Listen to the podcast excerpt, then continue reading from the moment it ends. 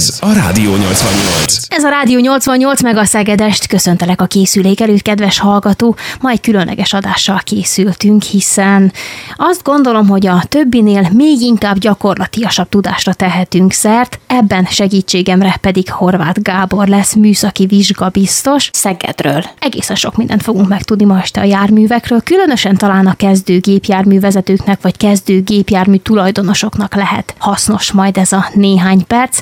Töltsd velünk ezt az időt. No, szerintem csapjunk is bele a közepébe. Köszöntelek a stúdióba, Gábor. Szia! Szia Ági, köszöntöm a hallgatókat is. Nem is kérdés, hogy fontos a rendszeres ellenőriztetése a gépkocsiknak. Ilyenkor viszont mit ellenőriznek rajta a szakemberek? Hát ez adnak a függvénye, hogy hová viszed ellenőriztetni a járművedet, de nyilván egy egyszerű autószervizbe is, hogyha beviszed a járművet, akkor ott is átvizsgálják, ugyanúgy majdnem, mint egy műszaki vizsgán. Egy-két dolgot másképp csinálnak természetesen, de itt gondolok arra, hogy a, a gépjárműnek a fékrendszerét, a gépjárműnek a futóművét, és igazából a gépjármű alsó átvizsgálását tartják ugye legtöbb helyen legfontosabbnak, mert ez az, amit az átlag felhasználók nem látnak. Tehát, hogyha te vezetsz egy autót, akkor abból, hogy az alján mi van, azt nagyon ritkán nézed meg. E, igazából fékrendszert méréssel ellenőrzünk, mérőberendezésekkel, lengéscsillapítókat ellenőrzünk, a többit pedig szemrevételezéssel tudjuk csak ellenőrizni, tehát ehhez muszáj felemelnünk a járművet, muszáj átvizsgálnunk teljesen behatóan. Nagyon fontos, hogy a kormányberendezés és annak segédberendezései, és hát mondjam így egyszerűen, hogy a, a futómű, amin áll az autó, hogy az jó állapotban legyen, különben ugye nem biztonságos a közutakon a jármű. Tehát inkább ez ezzel foglalkozunk egy gépjármű átnézéskor, ez, ez már teljesen másik ág, amikor ellenőrizzük a gépjárműnek a motorterében található dolgokat, tehát itt a tervszerű karbantartásra gondolok, itt a motorolaj szintekkel és az összes folyadékszinttel kapcsolatos dolgok a, a, a másik ág, amit ellenőrizhetünk. Nyilván ez is nagyon fontos, de hogy a gépjármű az úton biztonságosan tudjon közlekedni, ahhoz az alsó átvizsgálás is a, a, azok a részek, amiket egy átlag felhasználó nem lát, ennek az átvizsgálása legfontosabb. Itt vannak ilyen számszerűsített adatok olyan tekintetben például, hogy, hogy ettől eddig kell, hogy megfeleljen mondjuk a fékrendszernek a biztonságossága? Természetesen. Magyarországon kormányrendeletek határozzák meg ezeket az eltéréseket, ahogy te mondod, ezeket a számokat, hogy mi mettől meddig jó. Természetesen ez úgy van, hogy ez a tolerancia, ez bizonyos esetekben kicsi, bizonyos esetekben nagyobb. Tehát most egy um, járműnek ugye négy darab kereke van, négy darab lengéscsillapító csillapító található rajta. Na most nagyon fontos ugye a, a lengés csillapítóknál is a csillapítók közötti eltérés. Ennek a lengés csillapítónak méréssel ellenőrizzük az eredményét, és akkor meg van határozva egy bizonyos százalék, hogy ettől, ettől az eltéréstől már nem jó, az ettől az eltéréstől pedig jó. A féknél különösen fontosak ezek az eltérések, mert ugye nagyban befolyásolja a gépjárműnek az úttartását hogyha mondjuk van egy 40%-os fékeltérésünk, ezt általában még nem szokta érezni a vezető. Nagyon érdekes, de hogyha... Hát az elég sok azért. Nagyon, hát igen, nagyon sok. Viszont amikor vezetjük a járművet, mondjuk egy átlagos felhasználási módon, egy 30-as jövezetben kicsit lassítgatunk, fékezgetünk, rutinból megyünk, ezt nem fogjuk észrevenni. Viszont ez a 40%-os fékeltérés, ez mondjuk egy jeges úton, egy rossz tapadási körülmények között vezetett autónál igen nagy problémát tud okozni hozni. Főleg úgy, hogyha egy régebbi járműről beszélünk, aminek még nem fejlettek a vezetés támogató rendszerei, hanem még kezdetlegesebbek, így nagyon fontos ennek az ellenőrzése is. Amikor hozzák a járművet műszaki vizsgára, és szokták mondani, hogy szerintem minden rendben van. E, na most igen, úgy Ez érezhetjük. Általában nem úgy helytálló, amit mondanak ilyenkor, vagy azért van ott mit csinálni? Hát igen, ez 50 os arányban tudnám mondani. Vagy igen, vagy nem. igen, vagy nem. Így ezért mondom, tehát, hogy nagyon sokan része van az autónak, amit nem lát a felhasználó, amit nem tud ellenőrizni, mert nyilván ugye egy olajszintet, egy, egy ablakmosó folyadékszintet, egy ablaktörlő lapátot tud ellenőrizni a, a, az átlag felhasználó is, de mondjuk egy, egy fékrendszert már nem igazán tud ellenőrizni megbontás nélkül, főleg nem, vagy pedig megfelelő mérőeszközök hiányában szintén nem. Milyen időközönként érdemes egyébként átvizsgáltatni az autót? Hát erre azt szoktam mondani, hogy ez felhasználás függő. Nyilván, hogyha egy átlagos felhasználást nézünk, amikor az emberek egy évben mondjuk közlekednek vele 10 ezer kilométert. Az egy átlagos Az egy átlagos 10-15 ezer kilométer körülbelül ez, a, ez az átlagos közlekedés. Ez évente nagyjából elég szokott lenni az átvizsgálás Viszont, hogyha valaki rendszeresen nagy távokat megy vele, tehát gondolok itt arra, hogy reggel belül az autóba megy 200 kilométert, és akkor úgy ér a munkahelyére, akkor azért a fél évente való átvizsgálás is azt mondom, hogy nagyon helytálló. Ezt el szokták mulasztani az emberek természetesen, mert ugye, ahogy mondtam is, úgy érzik, hogy minden rendben van a járművel, uh-huh. és akkor nem lehet probléma, de hát ez olyan, mint amikor azt mondják, hogy amikor egy autót hirdetnek eladásra, és oda van írva, hogy hogy amikor baja volt, javítattam. Hát ez nem olyan jó dolog. Mert igazából, hogyha nagy baja van neki, és észreveszi a felhasználó, akkor már tényleg nagy a probléma, akkor a jármű csak azt a törődést kapja meg, amit feltétlenül szükséges. Tehát erre nagyon vigyázni kell. Tehát akkor mondhatjuk összességében azt, hogy a rendszeres átvizsgálás inkább, mint hogy ha már érzem, hogy valami nem stimmel, akkor elmegyek a szervizbe. Így van, így van. Igazából ugye mindenki ott spórol, ahol tud, megpróbálunk spórolni, viszont a járműbe bele kell gondolni, hogy nem csak a mi életünk múlik rajta, hanem ugye a közlekedés többi résztvevőinek az élete is gond. Itt egy gyalogostól egészen a szembejövőig mindenkinek a, a javát szolgálja az, hogyha a gépjárműünk rendben van. Hogyan lehet felkészíteni az autókat a melegebb időjárásra ez a kérdés? Nagyon jó kérdés, ugyanis nem sokan tudják azt, hogy amikor átmegyünk egy ilyen melegebb időjárási szakaszba, akkor fontos lecserélnünk az autónak a szélvédőmosó folyadékát is, ami egyébként egy ilyen elhanyagolható dolognak tűnik, de nem az. Ugyanis a nyári szélvédőmosó és a téli szélvédőmosó folyadéknak az összetétele az nem csak abban különbözik, hogy nem fagy meg az egyik az artályban, hanem az egyikben van bogároldó adalék, egész más, más összetétel, mint a téli téli. A téli szélvédőmosót, hogyha nyáron használjuk, akkor föltűnhet, hogy úristen, most már tényleg koszos ez a szélvédő, lemosom, hát ha kilátok belőle a kanyarba, elkezdünk mosatni, és összekenni csak az ablakunkat. Ez a bogároldó hiánya, gyanítom. Hát a bogároldó hiánya is, és ugye a benne levő anyag, ami meggátolja a megfagyását ugye a szélvédőmosó földéknek, ez miatt teljesen összekenni az ablakunkat, úgyhogy ez egy fontos dolog, bármennyire is nem fontosnak tűnhet, ugyanis ugye a szélvédőn való kilátás az, az, az szerintem elsőrangú Elég elemi dolog, igen, így vezetés közben nem árt. Így van, így van, így van. Ez az egyik, eh, ami, ami talán a legérdekesebb dolog, meg ugye nagyon oda kell figyelni arra is, hogy eh, a kerekek, a gumiabroncsok nyomása ellenőrizve legyen ugyanis a, általában ugye a kerekeket, amikor lecserélik, stb. sűrített levegővel töltik föl. Vannak olyan gumiszervizek, ahol fölárasan természetesen elérhető a nitrogén töltetes kerék gumiabroncs nyomás beállítás, Ugye a nitrogén az sokkal kisebb hőtágulási tényezővel rendelkezik, mint a, a, a levegő, a vegyes levegőnk, amit összesűrítünk. Ha nem ezzel van megtöltve a kerekünk, akkor ahogy változik a gépjármű körülötti hőmérséklet, úgy változik a keréknek a nyomása is, a gumiabroncsban a nyomás. Például, hogyha erősen tűzre a nap, gyanítom, akkor így változhat van, ez. Így van, meg most gond, megint csak. Gondoljuk bele, hogy felraktuk a téli kerekeket, utána esetleg, ha nagyon gondosak vagyunk, akkor egy hónap múlva talán megnézzük megnézzük egy benzinkúton, hogy mennyi a keréknyomásunk, de általában ezt is el szokták mulasztani az átlagfelhasználók és akkor beállítjuk a, a gyártó által írtakat. Ez az autókban általában vagy a, az autónak az ajtajára föl van ragasztva egy kis táblára, vagy pedig inkább a, a tankajtóra van fölragasztva. Erre az értékre beállítjuk, és akkor örülünk, hogy készen is vagyunk.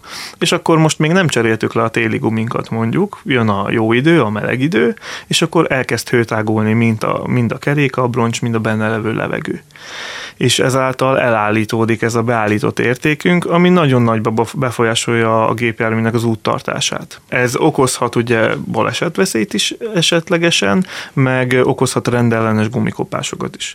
Ugye tudjuk azt, ezt még a kreszben is tanítják, hogy ha, ha túl van fújva egy gumiabroncs, akkor általában a közepe túlzottan kopik, a széle pedig nem. Ha kevés benne a levegő, mondjuk így, akkor pedig általában a szélei kopnak a gumiabroncsnak, a közepe pedig nem. Ami aztán azt eredményezi, hogy a gumiabroncsnak az élettartalma is sokkal kevesebb, mint azt mi szeretnénk. Van-e létjogosultsága az alvázmosásnak ilyenkor?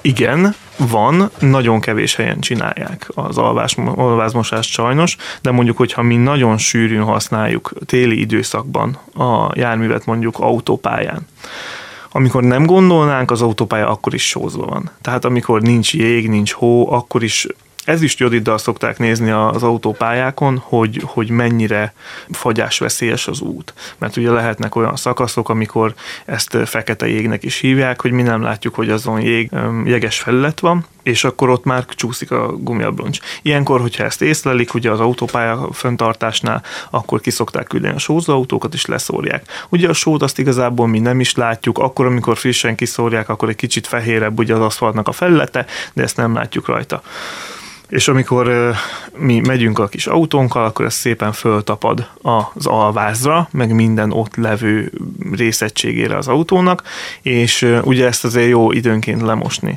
Ezt jó volna tél közben is lemosni, de hát ugye olyankor általában azért nem szoktuk, az autót is ritkábban mossuk, ugye se nem szárad, meg összefagy, stb. De ha elmúlik egy telünk, elmúlnak ezek a sózós időszakok, akkor, akkor ajánlott lemosni az autónak az alját, szintén megőrzi az autónak az állapotát tehát ez a korrózióvédelemben nagyon sokat jelent. Örök kérdés bennem telente különösen, ugye említetted, hogy nem igazán mossunk autót télen. Igen hogy ez valami városi legenda, hogy ilyenkor, hogyha lemossuk az autót és ráfagy a víz, akkor utána elbúcsúzhatunk örökre a fényezéstől, vagy ennek van valami igazságtartalma is? Szabad-e télen autót mosni fagypont alatt, vagy nem? Hát az igazat megvalva fényező nem vagyok, nem tudom, hogy a fényezés szerkezetére milyen hatással van ez a, ez a fagypont alatti mosás viszont fagypont alatt nem mosunk autót. Tehát akármennyire is szeretnénk, meg nagyon csúnya az autónk, már nem szabad mosnunk az autót, mert ez a víz az olyan helyekre is bejut, és aztán ott fog megfagyni, ami kellemetlenséget is okozhat nekünk, meg problémákat is okozhat. Tehát mondjuk, hogyha befagy az autónak az árja, és nem tudunk belejutni, akkor ez elég kellemetlen. Talán ez a legkellemetlenebb hozadéka a fagypont alatti mosásnak, de még ha ki is tudjuk nyitni az autónkat, mondjuk a gumikéderek mellé befagy ez az általunk mosásra oda rakott víz, és nem fogjuk tudni kinyitni az autónkat. Tehát, hogy ez, ez egy nagyon kellemetlen dolog, hogy most a fényezést az hogy befolyásolja, azt nem tudom megmondani sajnos. Na, majd jövő télen erre rájövök. Viszont térjünk vissza most a, a jobb időre. Gyakran észre lehet azt is venni az autókon, hogy a lámpa búra el van homályosodva. Nem tudom, hogy jó kifejezést használtam-e, de hogy el van homályosodva, és emiatt talán csökken az értéke annak a fénynek, ami kijön az isztó szóból. Így van, így van, és nem csak a, a, a megvilágításnak az erőssége csökken, itt a bemattulásra gondolsz, gondolom, hogy elsárgul. Ahogy mondod, igen, elsárgul, bemattul. Elsárgul a lámpa, bemattul, sok, sokféleképpen lehet ezt nevezni.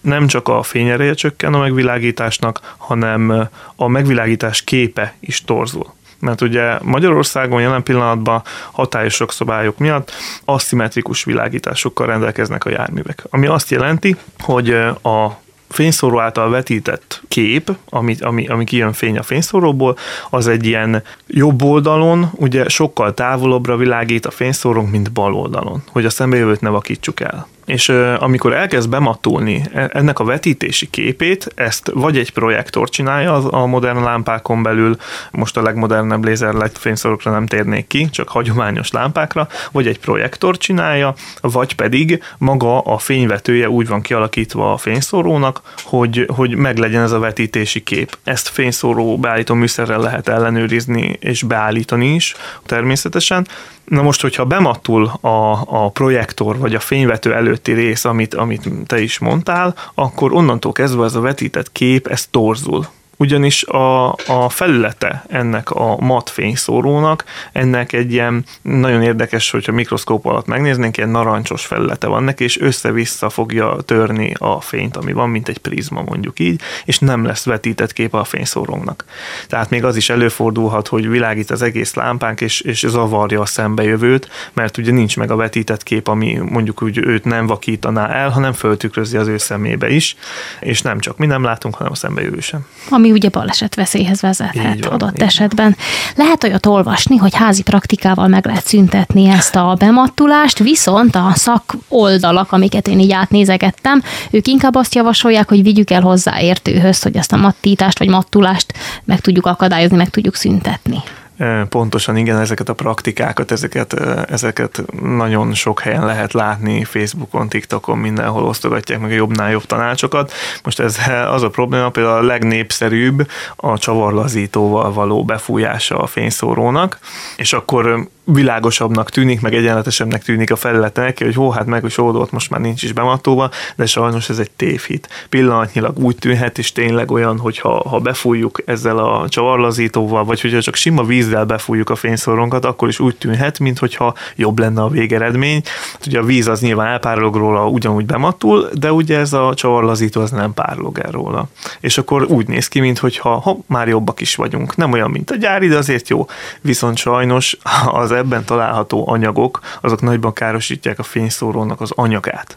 Ugye a modern járművekben már nem üvegből van a fényszórónak a külső felülete, az üvegje mondjuk így, vagy az átvilágított felülete, hanem egy ilyen kompozit műanyagból. Ezt, hogyha bemattul, akkor megrepedezik neki a felülete, stb. stb. Ha ide bejuttatjuk ezt az anyagot, akkor az, az mélyen az anyagon belül kárt tud tenni. Adott esetben utána, hogyha ugyanúgy bematul, és még jobban elkezd egyébként sárgulni ettől az anyagtól a fényszóró, elvisszük egy szakemberhez, ő elkezdi felpolírozni, és azt fogja mondani, hogy hát nem tud vele mit csinálni, sajnos, mert annyira mondjuk újra kéne csiszolni, hogy kiukad esetlegesen, vagy pedig menthetetlen lesz a fényszórónk. Tehát ezeket a házi praktikákat sajnos ezeket, ezeket hanyagolni kell, mm, nem beszélve arról is, hogy ha, ha mondjuk egy sima polírpasztával fölpolírozzuk otthon, mert ugye ez is elérhető most már szinte mind minden boltba, barkácsboltba lehet ilyen dolgokat kapni. Felpolírozzuk, ez egy nagyon jó dolog, viszont az UV védelme nincs megoldva olyankor a fényszóró felületének. A nap nagyon gyorsan újra ki fogja szívni. Tehát az, az időlegesen megoldást jelent, és sokkal jobb, mint egy ilyen csavarlazító való befújás, de, de végleges megoldás csak az hoz, hogyha elviszik egy szakemberhez, általában autófényezők, autókozmetikák, meg autószervizek is szokták már kínálni ezt a dolgot, hogy ők szakszerűen fölpolírozzák, polírozzák, fölvisznek rá egy UV védelmi anyagot, és akkor onnantól kezdve megint jók vagyunk egy pár évig. Mi van akkor, hogyha én nekem még soha nem volt autóm, viszont nagyon szeretnék vásárolni egy használt autót? Milyen szempontok alapján érdemes kereskélni? Mondjuk próbáljuk meg az egyéni preferenciákat nyilván valahogy lekerekíteni, mert az ugye mindenkinek a sajátja, de azért mire kell mégis odafigyelni? Első autó vásárlásakor ugye, ugye mindenki a pénztárcáját nézi először. Na most uh, muszáj elmondom ezt is, bár nem az autó műszaki állapotára vonatkozik. Nagyon fontos arra készülni, hogy bármilyen járművet vásárolunk, akármilyen jó helyről is vesszük, ugye a jármű mindig törődést, karbantartást igényel, és bármelyik pillanatban történhet vele valami kis gigszer. Tehát, hogyha van mondjuk egy X összegünk, amit mi járműre szeretnénk költeni, akkor legyen még mellette egy kevés. Hogyha megveszünk egy járművet, akkor mondjuk adott esetben tudjunk rá új gumikat venni, vagy bármi, mondjuk nyilván ezt ellenőrizhetjük vásárlás előtt, tehát tudunk olyan járművet venni, amin, amin van négy jó gumi, és akkor ezzel nem kell foglalkoznunk, de biztos, hogy el, történni fog valami, ami miatt félre kell rakni még egy kis pénzt, ez az első jó tanácsom, mert ugye sokan úgy szoktak vásárolni autót, hogy amennyi pénzem félre van rakva autóra, azt mind az autó árára elverjük, viszont ugye azzal nem szoktak számolni, főleg a, a, a kezdőautó tulajdonosok. Ugye amikor vásárolunk egy járművet, akkor ugye ott van egy eredetiségvizsgálati költségünk, van egy vagyonszerzési illetékünk, forgalmi engedélycsere, tehát azért még oda kell egy kis pénzt rakni mellé, de ezen fölül a műszaki állapotra Érdemes használni a jármű szolgáltatói platformon, ugye az ügyfélkapunkon keresztül tudjuk ellenőrizni a jármű előéletének egy részét.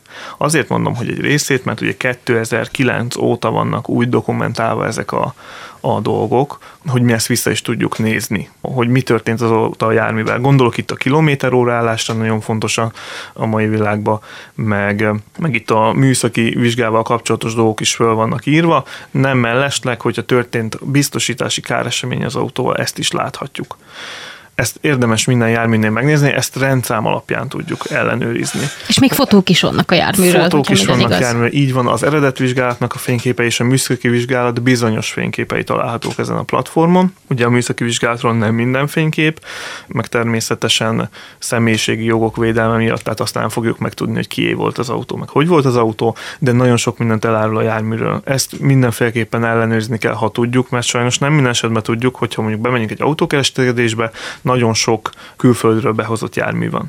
Ott ezt nem tudjuk ellenőrizni. Ott olyankor hagyatkoznunk kell valakire Tehát nagyon fontos az is, hogy ha, ha, ha van olyan ismerősünk, vagy ha van szerelőnk, akiben megbízunk, vagy hogyha mondjuk van egy olyan emberünk, akit tudom, hogy ha autóm lesz, akkor majd valószínűleg hozzá szeretném vinni szerelni, akkor meg kell kérdezni tőle, és meg kell kérni, hogy, hogy nem esetleg eljönne velünk megnézni ezt az autót, stb. Mert nyilván ő sem fog mindent látni a járműről. Tehát amikor először látunk egy járművet, akkor mi sem tudjuk mérehatóan elemezni, hogy mi történt vele, hogy lesz vele, meg hát ugye az ördög nem alszik, a technika ördöke meg végképp nem, bármikor történhet egy járművel bármi, de azokat a kardinális dolgokat, amiket egy átlag felhasználó nem lát, vagy mondjuk egy olyan felhasználó, akinek tényleg az első autója lesz, azokat általában a szerelők, azok kiszúrják. Hát itt most gondolok egy olyanra, hogy hogyha mondjuk az a jármű karambolos volt, nagyon karambolos volt, és mondjuk ha ezt a szerelő kiszúrja, akkor nagy kellemetlenségeket is megúszhatunk, mivel amikor történik egy baleset mondjuk, akkor jön egy kárszakértő festékrétegmérővel végellenőrzi a járművünket, hogy mindenhol járja a festékréteg, vagy hol volt már javítva, fényezve a jármű, és hogyha a kárszakértő észreveszi, mondjuk, hogy az autó ez úgy gajra volt törve, hogy le volt vágva a teteje neki. Mert ez egy konkrét példa, most ez egyik barátomnál előfordult, vásárolt egy járművet, nem tudta, hogy ez a jármű törött, teljesen laikus volt, elment és megvette, aztán történt egy káresemény beléjöttek, összetörték az autóját. Kijött a kárszakértő, és azt mondta, hogy jó, hát ez az autó az gazdasági totálkár, még igazából sok pénzt nem fognak rá adni, mert annyira sérült volt a jármű korábbiakban. Ugye ez egy értékcsökkentő tényező, hogy valamennyi összeget kapni fog a biztosítótól, de nem annyit, mint amennyi szeretett volna, vagy ami akár javítást is fedezhetné. Az ilyeneket jó eséllyel kiszúrják ugye az avatott, szakavatott szemek. Ez, ez egy nagyon fontos dolog, tehát itt gondolok arra, hogy természetesen nem mindenkinek mindenkinek az ismeretségében vannak autószerelők, vagy, vagy akár ehhez hozzáértő emberek, de keresni kell valakit. Mert sajnos a mai világban könnyen meg lehet vezetni bárkit. És ilyenkor mi az, amit megnéztek első körben már, hogyha mondjuk te vagy az, akit én elhívok magammal, hogy ugyan Gábor néz már meg, hogy itt mi van ezzel a gépjárművel, akkor te egy mit nézel meg rajta elsőként? Igazából azt mondom neked, hogy főleg a modern járművekkel kapcsolatban ki akar bennünk egy rutin. Egy olyan rutin, hogy én is ugye naponta rengeteg autóban ülök, rengeteg autót látok és vizsgálok át, kialakul bennünk egy rutin, ha beleülünk egy járműbe, és mondjuk látjuk, hogy mi van körülöttünk. Tehát gondolok itt ilyen kapcsolók kopása, kormány kopása, azok a holt játékok, amiket vezetés közben nem figyelsz, mennyire lóg a váltókarja neki, vagy, vagy hogy, hogy milyen érzés benyomni a kuplung pedált, a fékpedált, ezeket a dolgok, ugye mi ehhez hozzá vagyunk szokva. És nagyjából azért már érezzük, hogy milyen egy jó autó. Tehát azt tudom neked mondani, hogy ha, ha egy autóban mondjuk én beleülök, akkor nagy valószínűséggel egy pár perc alatt rájövök, hogy ez az autó, ez, ez ennek volt gazdája, ennek ez körülbelül rendben lesz, vagy pedig vannak vele nagyon nagy problémák. Ez egy ilyen mondhatnám, hogy exakt tudomány, de nem, nyilván a rutinnal van összefüggésben nyilván beleülünk, megnézzük, oké, okay. és akkor onnantól kezdve, amit egy, egy, egy műhely körülmények nélkül, amit lehet ellenőrizni, azt ellenőrizzük. Gondolok itt arra, hogy a fékrendszerre általában be lehet látni a fékbetétekre, a féktárcsakopásra, mondjuk az autó kerekén belül is. Ugye karosszéria korróziót is könnyen meg lehet látni. Megmondom, olyan jelei vannak egy, egy olyan autónak, aminek nem volt jó gazdája, annak mindig vannak jelei. Tehát akármennyire takarítanak ki egy autót, akármennyire kozmetikázzák ki, ezeket látni lehet. És valahogy mi ezeket hamarabb észreveszünk, mint egy felhasználó. Nem beszélve arról, hogy magamról is tudom, hogy ha én egy járművet szeretnék venni, akkor szerelmes leszek. Elmegyek megnézni az autót, és akkor szinte csukott szemmel simogatom, hogy jaj, de szép ez az autó, hova rakhatom a pénzem? Kell valaki, aki objektíven nézi az autót. Mert ugye, hogyha szeretnél egy autót, lehet, hogy te pont a piros autóknak a szerelmese vagy, és lehet, hogy az autó maga nem egy olyan jó autó, de nagyon nagyon szép piros színe van. Lehet, hogy te azt mindenféleképpen meg akarod venni, lehet, hogy valaki megfogja a vállad, és azt mondja, hogy Ági, ne, ne, ne vegyük meg. Hát mondjuk visszatérve egy pillanatra erre az első autós vásárlós mókára, csak nagyon röviden az én autóm, nekem még mindig az első autóm van, és én arra emlékszek, hogy én kicsit akartam, benzineset, és gyakorlatilag egy, egy ilyen faékszerű bármit, nem volt különösebb kikötésem, hogy milyen színű legyen, vagy milyen típusú, nagyjából ez volt. Tehát ehhez képest vettem egy bazi nagy dízeles autót, soha nem fogom megbánni, úgy érzem, úgyhogy lehetnek nagyon kellemes csalódások is ilyenkor, nekem azóta, hát nem nagyobb volt ezzel a járművel különösebb problémám, de azért nagyon alaposan lekopogom. Említetted, hogy egy bizonyos mennyiségű pénzt azért érdemes félretenni a különböző átírásokra, ilyen-olyan ügyes-bajos dolgokra. No, de ezek az átírások egyébként a gyakorlatban hogyan működnek? Kezdjük szerintem onnan, hogy odaadom a vétel árat az autó előző tulajdonosának. Mi történik ekkor? Igen, hogyha magánszemélytől veszünk autót, akkor ez úgy zajlik, hogy odaadom a tulajdonosnak a vételárat, írunk egy adásvételi szerződést. Az adásvételi szerződés nagyon fontos, hogy jól legyen kitöltve. Ezt formanyomtatványként meg lehet vásárolni bármelyik papírírószer boltban, és nagyon szépen végig kell mennünk a tetejét az aljáig, és mindent kijelölni, kiírni, főleg, hogyha elmegyünk Miskolcra mondjuk autót vásárolni, és onnan hozzuk ide Szegedre, mert hogyha valami el van írva az adásvételi szerződésben, akkor azt ugye javítani csak mindkét fél szignójával, aláírással lehet, aláírásával lehet, vagy pedig új adásvételt kell írni, és akkor ez ilyenkor a nagy távolságok miatt nem egyszerű.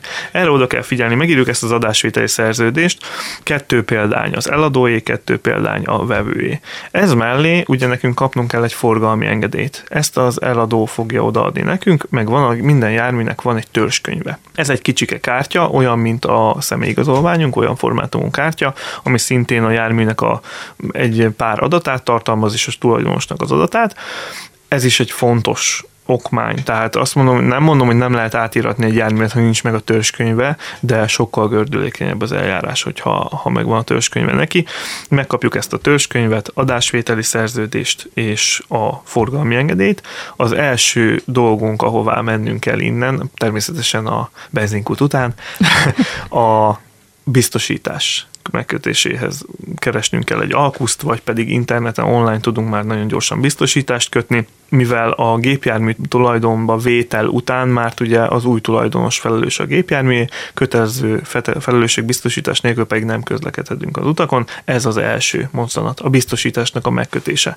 Ezek után 15 munkanapunk van ennek a, az átírási ügyintézésre. 15 munkanapunk van, Ilyenkor egy eredetvizsgálatot kell végrehajtani a gépjárművem, tehát a biztosításra és az összes papírral, amit kaptunk, befáradunk bármelyik vizsgabázisra, ahol csinálnak eredetiségvizsgálatot, ott a járművet ellenőrzik, eredetiségvizsgálják, kapni fogunk onnan egy, egy dokumentumot, amivel aztán mehetünk az okmányirodába, a kormányablakokra. A kormányablakokban így fogják tudni átírni eredetvizsgálati bizonyítványal és az összes többi okmányjal, amit megkaptunk a járműhöz.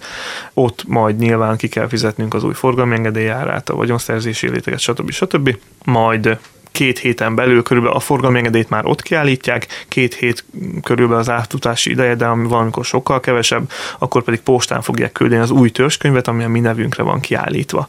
A régit pedig elveszik tőlünk, és akkor onnantól kezdve boldog tulajdonosai vagyunk a járműveknek.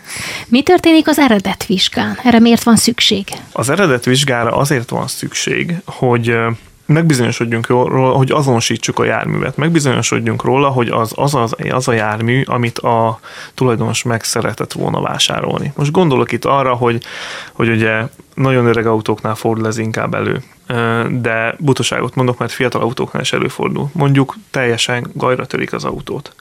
És külföldről hoznak egy ugyanolyan autót, mondjuk, ami nagyon hasonlít a, a, erre a járműre, vagy pont ugyanolyan. Ez előfordul. Ilyenkor okos és leleményes emberek kiszokták vágni az alvásszámot, átvágják a másikba, és akkor kész meg van javítva az autó, viszonylag kis költséggel mehetünk is tovább. Csak hát ilyenkor lehet azt tudni, hogy a járműben nem a saját motorja lesz benne, teljesen más a motorszáma neki. Igazából az egyedi azonosítóit vizsgáljuk a járműveknek ilyenkor. Tehát az alvásszámot, az alvásszám környékét, a festékvastagságokat, a motorszámot vizsgáljuk, és a különböző olyan azonosítókat, amivel az átlag emberek nem nagyon szoktak foglalkozni, nem is tudják, hogy van akár vevőszolgálati matricákat, amik azonosítják a járműnek szintén az alvásszámát, a tulajdonságait. Arról kell az eredetvizsgán meggyőződnünk, hogy ez az a jármű, ami annak idején legurult a sorról, ez, ez az a jármű. Nagyon nagy buktákba lehet belefutni eredetvizsgálat során, mert ugye régen az azért elég jellemző volt, hogy, hogy autókat, hogy mondjam, kereskedők gyorsan javítottak ilyen módszerekkel, amit az előbb is mondtam, bár ez egy nagyon szélsőséges dolog, és ezek ugye eredetvizsgálaton ezek kibuknak. Most nyilván azt mondom, hogy senki nem szeretne egy ilyen járművet vásárolni, jobb, ha ez eredetvizsgán kiderül a festékvastagság mérésre szoktak az átlag ügyfelek nagyon harapni, hogy, hogy hú, hogy volt-e festve, volt-e festve, hát az eredetvizsgálatnak nem ez a legkomplikáltabb része. Tehát igen, fontos ez is, hogy a jármű sérüléseit általában a festékvastagságok alapján meg tudjuk ítélni, hogy hol mennyire volt sérülve, bár ha nagyon szakszerű a javítás, akkor az ott sem fog kiderülni. Itt inkább ez az alvásszám, motorszám kérdés, ami, ami a legkritikusabb kritérium, mert ugye mondjuk, hogyha Műszaki vizsgán minden járműnek ellenőrizik a motorszámát is. Hogyha mondjuk vásárolunk egy járművet, és mondjuk ha nem volna eredet vizsgánk, és akkor ebbe a járműbe tönkrement volna a motor. Ezt kicserélték valahol egy szervizbe, akárhonnan vettek egy motort. Belerakták, mi már nem tudnánk leműszakiztatni, mivel van egy olyan motor benne, ami nem is sajátja. Szélsőséges esetben ez akár bűncselekmények sorozata által is belekerülhet az autóba, most nyilván ezt ugye a jármű nyilvántartási rendszer ezt látja. Nem érdemes packázni tehát itt az eredet vizsgával, ami azt illeti, milyen akár előzetes, elővigyázatosságból elkövetett ellenőrzések, javítgatások lehetnek ilyenkor a képben, vagy csak úgy, ahogy van, toljuk be a műhelybe, aztán majd lesz valami. Igen, többféle megoldás is létezik. Van, aki úgy, ahogy te is mondod, szabad eséssel begurul hozzánk, és akkor vagy kap műszaki vizsgát az autó, vagy nem kap műszaki vizsgát az autó. Ugye ez a két kimenete lehet a dolognak. Viszont akik jobban odafigyelnek az autójaikra, általában úgy szokták csinálni ezt a dolgot, hogy vagy hozzánk egy előzetes átvizsgálás keretében eljönnek, és akkor mi átvizsgáljuk az autót, megmondjuk, hogy mi az, amivel probléma van, mi az, amit javítani kell, és akkor felkeresi a szerelőjét, azt pedig meg megjavítja, utána visszahozza, és leműszakiztatjuk az autót. Természetesen ezt még azelőtt, mert lejár a járműnek a műszakia, hogy tudjon mozogni vele meg van, aki a saját szerelőjét, szervizét keresi föl ezzel a dologgal, és akkor nyilván a szerelők maga a kormányrendeletekben meghatározott dolgok, amiket mi vizsgálunk egy, egy műszaki vizsgán a járművön, mindennel nincsenek tisztába, de természetesen ők is azért már rutinból tudják, hogy mi az, amiket ellenőrizni kell. Gondolok itt a biztonsági rendszerekre, a fékekre, stb. stb. Ezeket ők is meg fogják tudni csinálni, meg át fogják tudni vizsgálni, meg van olyan szerviz, ahol már alapvetően műszakiztatnak is, és akkor ők aztán teljes mértékben át tudják vizsgálni a járművet, ugye fékpadon, egész csillapító mérőpadon különböző eszközökkel megvizsgálják, és akkor lehet tudni, hogy mit kell ilyenkor rajta csinálni. Ha ez megtörtént, akkor már magabiztosan gurulhatunk oda a vizsgabázisra, és valószínűleg műszaki vizsgát is kapunk. Mi az, ami nagyon műszerfal villogós dolog, ami semmiképpen nem engedheti meg azt, hogy átmenjen egy jármű a műszaki vizsgán? Igen, ez, ahogy az előbb is mondtam, aktív és passzív biztonsági rendszerek is vannak a járműben.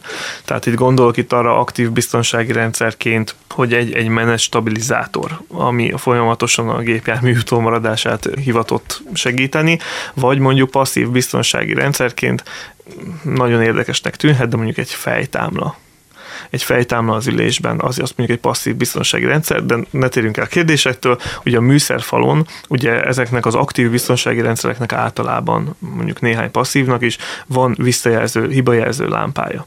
Ugye ezeknek a lámpáknak, amikor ráadjuk a gyújtást, ezek kiszoktak gyulladni műszerfalon, ellenőrzésképpen majd elalszik az összes. Igazából semmi nem világíthat a műszerfalon, mert minden valami olyan hibát jelez a járműben, ami miatt nem alkalmas műszaki vizsgára. Tehát gondolok itt arra, hogy ha a légzsák visszajelző lámpánk működik, akkor valószínűleg probléma van a légzsákkal. Az, az az autó az már nem mehet át műszaki vizsgán. Tehát nyilván alkalmatlan a közúti közlekedésre, mert ugye nem véd meg, hogyha bármi probléma történik, az a légzsákot az nem működik valószínűleg. Ugyanez igaz ugye mondjuk egy motorhiba jelző lámpára. Tehát gondolhatjuk úgy, hogyha, hogy minden rendben van, az autó indul, megy, de világít egy motorhiba jelző lámpánk. Minket nem zavar, mert mondjuk nem vezetünk sötétben. Ettől függetlenül lehet vele olyan probléma, hogy károsanyag kibocsátásbeli problémák vannak a járművel. Tehát műszaki vizsgán ugye ellenőrzik a járműveknek a károsanyag kibocsátását, és az nem lesz megfelelő. Tehát azzal is el tudunk hasonlni műszaki vizsgán. A legjobb, hogyha a műszerfalon semmi hibajelzőnk nem világít, mert bármilyen hibajelző ugye, vagy nem eredményes műszaki vizsgálatot maga után. És mi a helyzet a korrodálódással ilyen tekintetben? Igen, a korrózió megítélés az egy ilyen kicsi szubjektív kategóriába tartozik, mert ugye mondjuk azt, hogy korróziónak szokták mondani azt is, hogyha találunk egy rozsdapöttyet a motorháztetőn, meg korróziónak mondják azt is, hogyha mondjuk át tudom dugni az alvázon a kezemet. Olyan Freddy Bén is lenne a, a dolog, Így hogyha van. mondjuk a lábadat dugod át. Sajnos Igen? előfordul ez a verzió is. Vannak kifejezetten olyan típusú járművek, amik nagyon hajlamosak erre a Freddy bénisedésre.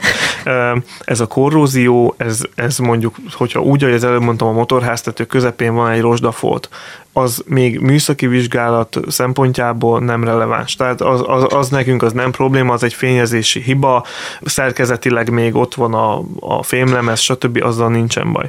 Viszont a korrózió, hogyha érinti az alváz egyes részeit, a kipufogót érinti úgy mondjuk, hogy kirepet, szétszakad már, már, már a kipufogás utókezelő rendszer után, de, de mondjuk kifúj, hát úgy az, az már nagyobb probléma. Tehát ez a korrózióban megkülönböztethetünk mondjuk így így akkor kétfélét, ugye az esztétikai korróziót és ugye a szerkezetbeli korróziót. A szerkezetbeli korrózió az, az nem megengedhető. Tehát, hogyha itt egy alváz merevítésről van szó, vagy bármilyen tartóeleméről az autónak, mondjuk egy futómű bekötésről, akkor ott kardinális probléma ez a korrózió, és ennek a, ennek a kimenetele, mert ugye az is előfordult már, hogy oda jött lábon a gépjármű, és mi tájékoztattuk a tulajdonosát az autónak, hogy ki van szakadva a lengőkar a helyéről, tehát az a kerék az éppen, hogy csak ott van a helyén, ez lehet, hogy ki fog esni mondjuk 10 km múlva.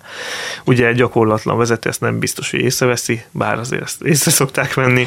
Hogyha hiányzik egy kerék. Így van, így van, és ez, ez is a korrózió miatt van. Tehát, hogyha ha mondjuk azt gondoljuk, hogy ránézésre, hogy ó, csak egy kis felületi rozsda van rajta, ez nem biztos, hogy így van. Ezt azért meg kell nézni.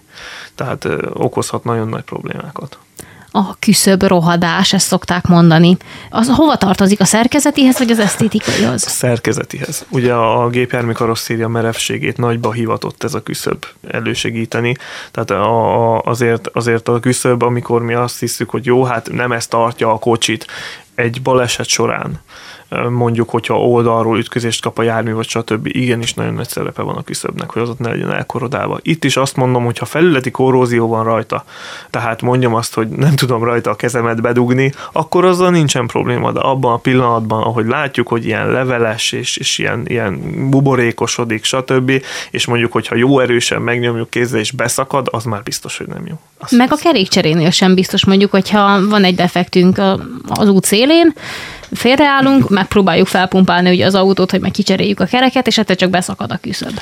Van Pontosan ilyen? van ilyen. Most azt tudom mondani, hogy a küszöb szerkezetileg szét van választva az emelési pontoktól. Nagyon sok jármű úgy néz ki, mintha egyben lenne a küszöb az emelési ponttal, de azért ez így szerkezetileg szét van választva de úgy, ahogy mondod, ezeknél az emelési pontoknál és a küszöb találkozásánál nagyon sűrűn korodálódik az autó. Ugye ott vagy az van, hogy van egy ilyen gumipogácsánk, amin megemeljük az autót, vagy mondjuk van egy lyuk a karosszériában, ahol berakjuk az emelőt ide. Ahogy a legelején is kérdezted, ez a só, amit az autópályáról beszedünk, meg az utakról beszedünk, ez de berakódik, megköti a, a levegő páratartalmát, meg az esőt, meg mindent, és ott szépen elkezdi a karosszériát lebontani.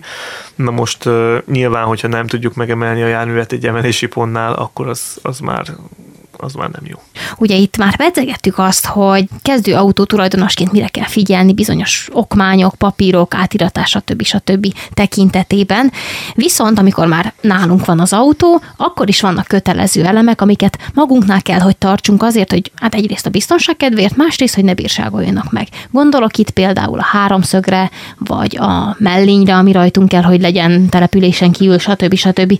Milyen olyan dolgok vannak, amikre okvetlenül figyelmet kell fordítanunk. Úgy, ahogy mondod, nálunk kell lenni, el is mondtál szinte mindent majdnem, a Kressz által kijelölt kötelező dolgokra, az elsősegélycsomag, a láthatósági mellény, ezeknek nálunk kell lenni, meg még mindig benne van, ha jól tudom, a jogszabályokban a pótizzó készlet, bár ezt nagyon sok járműben, ha akarnánk, sem tudnánk kicserélni már csak az útszélén az izzókat.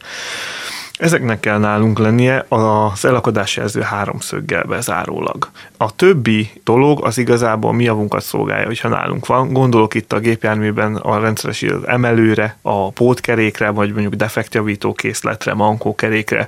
Ezeket előszeretettel szedik ki, ahogy látom a tulajdonosok, hogy plusz helyet nyerjenek valahova, de sajnos ez az út szélén elég nagy kellemetlenségeket tud előidézni, hogyha mondjuk kapunk egy defektet, és nem tudjuk kicserélni a a pótkereket, mert mondjuk nincs nálunk a, a kerékkulcs, amit a járműhöz kaptunk, vagy mondjuk nincs nálunk a pótkerékpont, vagy mondjuk a pótkerekünkben nem megfelelő a nyomás, mert nem ellenőriztük, ezek azért előfordulnak. Ez ami, aminek mindenféleképpen nálunk kell lenni, ha, ha már mondtad, hogy kezdő autótulajdonosok vagyunk, ha vásárolunk egy autót, akkor azért ezt is nézzük meg, hogy amit megvettünk autót, ebben benne vannak ezek a dolgok. És itt most nem az elakadási jelző háromszögre, vagy mondjuk a láthatósági mellére gondolok, hogy mennyire fontos, hanem a gépjárműnek a, a, a maga a saját tartozékai. A kerékanyagkulcs, emelő, esetlegesen mondjuk egy kerékőrkulcs, mert annélkül nem fogjuk tudni levenni a kereket, meg a pótkerék vagy a defektjavító készlet. Ugye a legmodernebb járművekben általában már nincs helye a pótkeréknek, tehát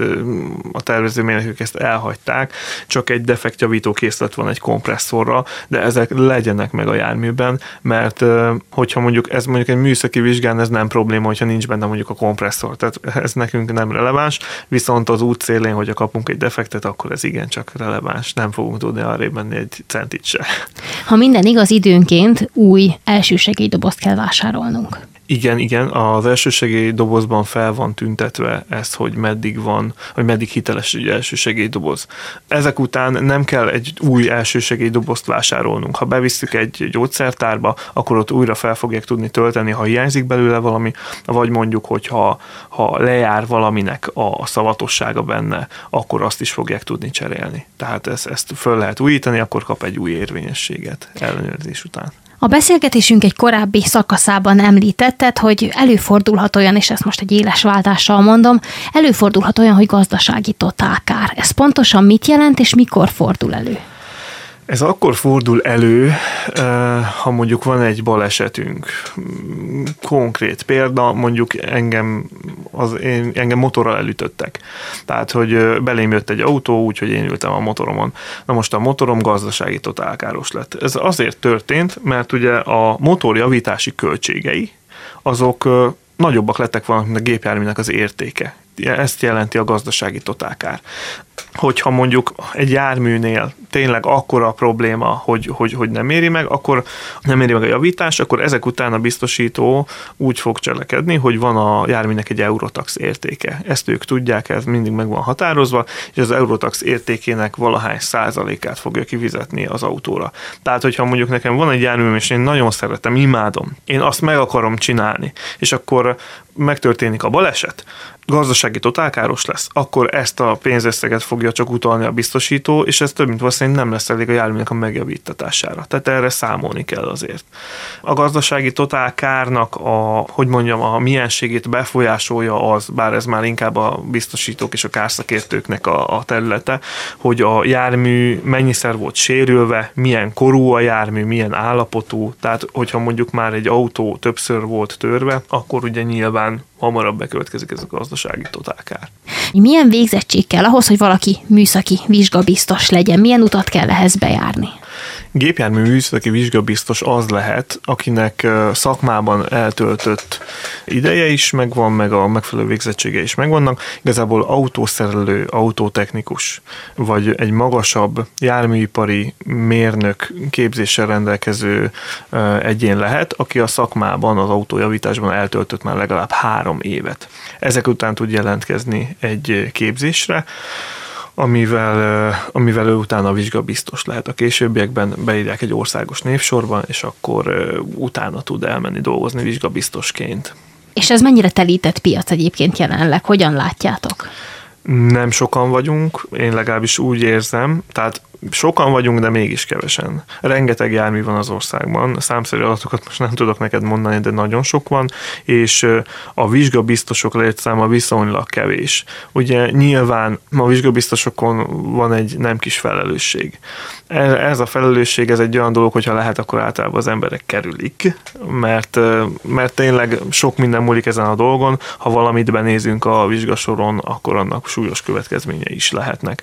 Ez mondjuk egy elriasztó erő, erő a vizsgabiztosság mellett, meg nem beszélve arról, hogy ugye mi, mint én is, autószerelő és autóvillamosságszerelő volnék, mi ugye a szakmában is annyi munkánk van, hogy ez mellett, hogyha mi belássuk magunkat a szakmába, és nagyon dolgozunk, ahogy évekig én is tettem, akkor utána nekünk nincs, hogy mondjam, időnk erre, hogy mi most még egy képzést csináljunk, és akkor elmenjünk vizsgabiztosnak, vagy mondjuk, hogy fölváltsuk ezt a dolgot. Annyira lefoglal minket a szakma, hogy ezért, ezért kevesen vagyunk.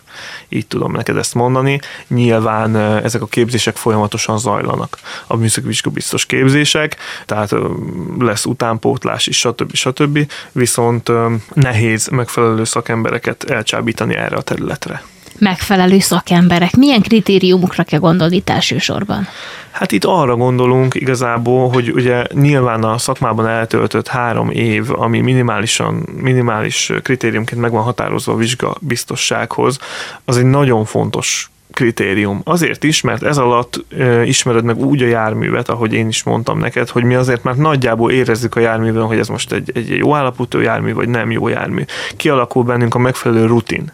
Nagyon fontos ez a, ez a gépjármű átvizsgálásokkor is a rutin, hogy mi tudjuk, hogy igen, mondjuk ennek az autónak, ennek általában itt és itt szokott elkorrodálódni, mondjuk a lengés csillapítója, vagy az alvászkeret, és egyből tudjuk, hogy hová nyúljunk. Mivel a műszaki vizsgálatnak a követelményeit ugye úgy mondom neked, hogy kormányrendeletek határozzák meg. És ezek a kormányrendeletekben a meghatározott kritériumok száma szinte végtelen, nyilván nem végtelen, de nagyon hosszú a sorrend. Hogyha ha mi mondjuk teljesen ezek a rendeletek alapján át akarunk vizsgálni egy járművet, akkor az eltarthat akár egy fél napig is. De most nyilván, hogyha tudjuk, hogy hol kell néznünk és mit kell néznünk, milyen járművekre mik nem vonatkoznak, akkor sokkal rutinszerűbben megy a dolog, sokkal gyorsabban megy, hamarabb tudjuk vizsgálni is. Úgyhogy ezért szükséges a, tehát a megfelelő szakember igazából ennyit tesz, hogy van egy, egy megfelelő rutinunk ebben az egészben, és hogy, hogy nem untuk meg a szakmát menet közben, ugyanúgy szeretjük továbbra is a járműveket, és ugyanúgy kapcsolatban vagyunk a, a, a szakmának a változásaival, meg az egész járműiparnak a fejlődésével. Feltételezheti azt is az erre való alkalmasság, a műszaki vizsgabiztosságra való alkalmasság, hogy egyfajta ö, folyamatos tanulni vágyás legyen az emberbe? Emberileg milyen kritériumoknak kellene megfelelni egy ilyen felelősségteljes munkához? Hát igen, ennek az emberi kritériuma is szerintem sehol nem írja le semmi. Ez, ez, ez, ez egy nagyon érdekes kérdés. Az emberi kritériumokat mondjuk, hogy maga az élet szabhatja meg talán, mert aki mondjuk úgy, hogy nem alkalmas emberileg egy vizsgabiztos létre, vagyunk a vizsgabiztos szakmára, az valószínűleg nem is fogja sokáig csinálni. Tehát, kiszórja ez, magát a helyzet. Így van, így van, kiszórja magáról. A folyamatos tanulni vágyás pedig az nagyon fontos, mert ugye a járművek folyamatosan fejlődnek.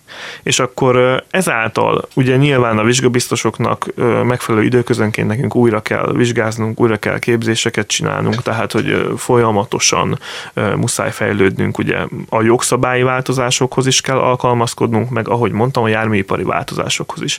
Olyan technológiai újítások is megjelennek egy járműben, akár két év leforgása alatt, ami miatt amit régen hibának tartottunk, lehet, hogy most, most már egy teljesen mm, megfogalmazható, hogy, hogy az most miért elfogadott. Tehát ez egy, ez egy nagyon, nagyon érdekes kérdés, ezt most így nem tudom neked kifejteni, de az lényeg, hogy ha ezt nem figyeljük, akkor lehet, hogy tévesen ítélünk meg egy járművet. Azt mondjuk, hogy ez a jármű, ez nem jó. Gondolk itt olyanra, hogy mondjuk, ha föl van nyitva egy motorháztető, nincsen teljesen lecsukva, akkor az való, vannak olyan járművek, amik nem engedik elindítani az ablaktörlőt. Hogyha mi átvizsgálás közben úgy vizsgáljuk át az autót, hogy éppen már föl van pattintva a motorháztető, és akkor megnézzük, hogy akkor az ablaktörlő motor rendeltetésszerűen működik-e, és nem működik. Ha, akkor ez bukott vizsga. Megbuktatjuk a járművet, lecsukjuk az elejét, kimegyünk vele, és ott már működik. Na most ezt nekünk tudni kell, erre föl kell készülni. Ez most egy ilyen bagatel apróságnak tűnhet, de ezeket folyamatosan figyelni kell. Maga a, a gépjárműnek a, a, a futómű rendszerében is olyan változások szoktak bekövetkezni, amik amiket, hogyha ha nem követünk és nem találkozunk vele, nem figyeljük, akkor, akkor ez, ez, ez, ugye ez problémákat okozhat azért már én ismerlek egy ideje, és látom, hogy mindig rajongással beszélsz az autókról, mindig nagy odafordulással, mindig nagy szeretettel, akár a saját járműveidről is. Honnan származik ez a szerelem, és mikor kezdődött? Szerintem ez gyerekkorom óta bennem van. Igazából nem föltétlen a járművek iránt, viszont a járművekben tudtam kiteljesedni valószínűleg. Ugye a műszaki dolgokért rajongok inkább. Tehát már gyerekkorom óta, ahogy szokták azt mondani mások is, már kis gyerekkoromban is ugye az összes rádiót, meg mindent, amit lehetett szétszettem, még összes tudtam rakni természetesen. Ezekért rajongtam. És akkor aztán maga a, az autózás, az pedig jött az életemben hogy mondjam, tehát elkerülhetetlen volt, és ugye nyilván régebbi járműtípusokban, stb. annyira bele tudtam szeretni, hogy aztán azt mondtam, hogy én, én, ezt, én, én, ezeket akarom javítani, autószerel akarok lenni, hogy én ezt, ezt szeretném, stb. Aztán pedig ugye ez, ez belesodort ebbe az egészbe. Ugye mivel a műszaki dolgokat, ezeket a mérnöki remek műveket, ezeket imádom, ugyanígy vélekszem az autókról is, hogy egy mérnöki remek mű igazából. És akkor talán ez az, a, ez az én történetem, hogy, hogy benne ragadtam, és ugye jó pár olyan mérnöki műre meg gurult rá az autógyártóknak a sorairól, amiben szerelmes lehet az ember. Tehát nem mondom azt föltétlen, hogy a mai autók között is sok ilyen van, de a régi autók között nagyon sok ilyen van, és ez miatt ugye megmarad bennem ez a szeretet. Tehát nem utáltam meg annyira mondjuk a, a járművek javítása miatt ezt az egészet, hogy ezek eltörlődjenek. És egy műszaki vizsga biztos mit csinál a szabad idejében, hogyha ennyire szereti az autókat? Természetesen autókkal foglalkozom. autókkal foglalkozom, mint mindenki másnak ugye van külön hobbim is, ugye zenélek is, de igazából a szabadidőmben is autókkal foglalkozom. Tehát nagyon nagy szerelmese vagyok a veterán járműveknek, nekem is van, és akkor ezek aztán tényleg időrabló foglalatosságok. Tehát, hogyha éppen nem a családommal vagyok, vagy mondjuk nem zenélek, ami a másodlagos hobbim, akkor autókkal foglalkozom, ugye az én járműveimmel, amiket dédelgetek, szeretgetek, felújítok, stb. stb. És nagyon ritkán még használom is őket, autózom velük. Ugye nyilván az az igazi élvezet, de számomra az is élvezet maga, hogy eljussak egy olyan szintre, hogy igenis lehessen az az autóval autózni. A Szegeden és a környéken élők előtt talán nem titok, hogy elő szokott fordulni évente, két évente, mikor, hogy veterán autó felvonulás, akár itt az Alföldön, Szegeden is láthattunk, kisteleken is összefuthattunk éppen tavaly még a jó idő során ezekkel a járművekkel. Ha minden igaz, te szerves oszlopos tagja vagy ezeknek a közösségeknek, vagy legalább egynek. Igen, igen, próbálok, próbálok amennyire lehet ehhez a, az élet, hogy is mondjam, ez az életmód, az életvitelhez tartozni. Nyilván az a baj, hogy a szabadidőm elég kevés, de a Kisteleki Veterán Járműklubnak a tagja vagyok, és általában úgy, ahogy mondod, itt Szeged és vonzás körzetében a legtöbb ilyen, ilyen kiállításra, amire csak tudom, ha időm engedi, elmegyünk, kiállítunk. Ugye nyilván ezek a klubok egymással kapcsolatban vannak, ismerjük egymást, mint emberek is kapcsolatban vagyunk egymással, mint pedig, mint klubok is kapcsolatban vagyunk egymással, tehát mondjuk, hogyha Szentesen van egy veteránjármű találkozó, akkor oda meghívják a Kisteleki klubot is, mi pedig természetesen örömmel megyünk, ahogy tudunk. Nem mondom, hogy mindegyikre el szoktam tudni jutni, de, de próbálok tagja lenni ennek a dolognak. És a veterán járművesek egyébként hogyan működnek klubként? Ezt hogyan kell elképzelni annak, aki nem szakavatott, csak csodálja az autókat? Igazából azt tudom erre mondani, hogy fontos dolog ugye a klubon belüli összetartás is. Most ugye mindannyian ugye veterán járművek szármásai vagyunk, és ezért csatlakozunk egy ilyen klubhoz. Ezek a klubok, ezek általában ugye csinálnak rendezvényeket. Tehát mondjuk most gondolok itt erre, hogyha van egy, egy falunap vagy bármi, akkor oda mi kiállítunk, vagy mondjuk vannak klubon belüli események is, hogy évnyitó, évadnyitó, stb. Akkor mi összegyűlünk, előszedjük a leporosodott járműveinket, kicsinosítjuk, autózunk vele egyet, általában úgy, ahogy mondtad, felvonulásaink vannak, kerülünk egy kört abban a városban, hogy éppen vagyunk, vagy stb. Vagy mondjuk klubon belén rendezvényként elmegyünk, meglátogatunk egy, egy, egy múzeumot, vagy bármit a veterán járműveinkkel, élvezzük a, a munkák gyümölcsét, és ezen belül ugye segítjük is egymást általában. Ugye a veterán járművekhez igen sok türelem, és igen sok ö, szakértelem, alkatrész és, és, és szeretet kell, és akkor egymásra tudunk csak támaszkodni ebben a dologban. Nyilván, hogyha én már felújítottam egy bizonyos járműtípust, ha valakivel találkozom, aki egy ilyen járműtípus szeretne, vagy még készül felújítani, akkor azzal megosztom minden tapasztalatomat, és minden segítséget próbálunk nyújtani másiknak, amit csak tudunk. Na most egy pillanatra még visszatérnék az autószerelő szakmára, mint olyan. Hát, mint az összes szakmában lehet hallani, hogy vannak jó autószerelők, vannak kevésbé jó autószerelők. Szerinted mitől jó egy autószerelő? Hú, ez egy nagyon komplex kérdés, hogy mitől jó egy autószerelő. Klisésnek hangozhat, de az, amit mondtam, hogy folyamatosan fejlődnünk kell a járműiparra, ez az autószerelőkre is vonatkoznia, hogy kell külön. Meg nem beszélve arról, hogy szeretnünk is kell a szakmánkat. Tehát az, hogy mitől jó autó egy jó autószerelő, hát összetett dolog. Követi a szakmai változásokat, foglalkozik vele, és lelkiismeretes, talán ez a legfontosabb. Mert hiába vagyunk technológiailag, hogy mondjam, technológiai tudásban tájékozottak, ettől függetlenül, hogyha nem tartjuk be a megfelelő javítási előírásokat, stb. stb., akkor, akkor nem biztos, hogy jó autószerelők leszünk. Ha nincs meg a lelkiismeretességünk, az ügyfél nem fogja tudni, hogy, hogy mondjuk amit elvégeztünk munkát, hogy az úgy lett kivitelezve, ahogy a gyártó kéri, vagy mondjuk ahogy a, mondjuk így, ahogy az autó kéri.